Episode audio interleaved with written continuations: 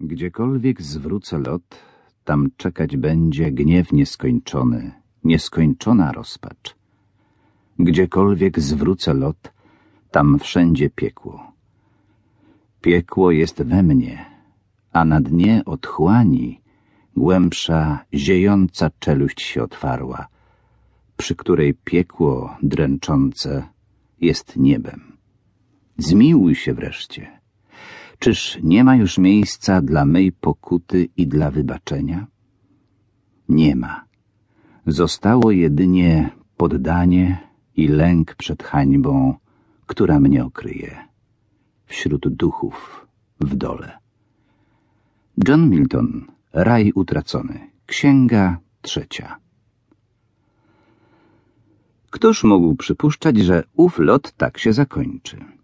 Miała to być podróż dla przyjemności. Dwa tygodnie wypoczynku okraszonego skromną, ale mile łechcącą próżność uroczystością. Tak przynajmniej twierdził wydawca, na którego ręce przesłano zaproszenie. Utrzymane było ono w niezwykle uprzejmym, niemal serdecznym tonie i stało w nim czarno na białym, że klub południowoafrykańskich miłośników powieści kryminalnej będzie zaszczycony, jeśli pan Joe Alex zechce przybyć do Johannesburga, aby przyjąć doroczną nagrodę klubu i podzielić się z jego członkami swymi doświadczeniami pisarskimi, a także, jeśli zechce oczywiście, opowiedzieć o swoich planach na przyszłość. Prezydium klubu będzie szczęśliwe, mogąc pokryć koszty przelotu i pobytu pana Aleksa w Johannesburgu, gdzie niżej podpisani dołożą wszelkich starań, aby zapoznać gościa z miastem i jego pięknymi okolicami. Tak, zapewne próżność odegrała pewną rolę w przyjęciu tego zaproszenia, lecz nie tylko. Działo się to w latach pięćdziesiątych, gdy bardzo młody Joe Alex, wciąż jeszcze niedowierzający swej nagłej popularności, gotów był spełnić niejedno życzenie wydawcy, tak szybko i sprawnie wypuszczającego na światło dzienne jego kolejne książki.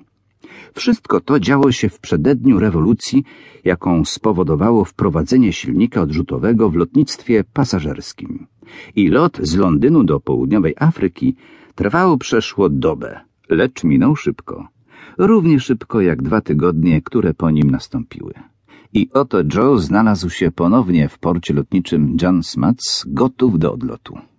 Był zmęczony. Przyjęcie pożegnalne ciągnęło się aż do zmroku i trwałoby zapewne jeszcze, gdyby nie to, że godzina odlotu zbliżała się nieuchronnie i gość musiał opuścić zebranie. Ale teraz było już po wszystkim. Joe wszedł do wielkiej, oszklonej poczekalni. Wskazał tragarzowi najbliższy stolik i opadł na fotel. Tragarz postawił obie jego walizki obok fotela. Zerknął na banknot trzymany przez Aleksa, wyjął mu go delikatnie z ręki, błysnął nieprawdopodobnie białymi zębami, kontrastującymi z jego czarną twarzą, zasalutował i odszedł, mówiąc, że powróci, kiedy zapowiedzą samolot do Londynu. Joe zerknął na zegarek, westchnął i wyciągnął z bocznej kieszeni marynarki lokalną gazetę, którą kupił przy wejściu. Przez dłuższą chwilę przesuwał oczyma po szpaltach, lecz pomimo rozpaczliwych wysiłków nie znalazł ani jednej wiadomości, która mogła go zainteresować choćby w najmniejszym stopniu. Przymknął oczy i westchnął ponownie. Fala zmęczenia powracała, bardziej natrętna niż przed chwilą. Gdzieś daleko, za rozległą, cicho podzwaniającą taflą olbrzymiej szyby, zajmującej prawie całą ścianę poczekalni, nierówno grzmiały zapuszczane silniki wielkiego samolotu pasażerskiego. Noc rozciągnęła się już nad lotniskiem. Za szybą migotały kolorowe światełka, a z lewej strony wpadał wielki blask zapalonych reflektorów na wieży kontrolnej. Za wiele było tego wina mruknął Alex cicho. Wydawało mu się, że przytłumiona wibracja silników wprawia w dygotanie wszystkie komórki znużonego mózgu, a mózg ten był już dostatecznie udręczony dwoma tygodniami nieprzemijającego upału.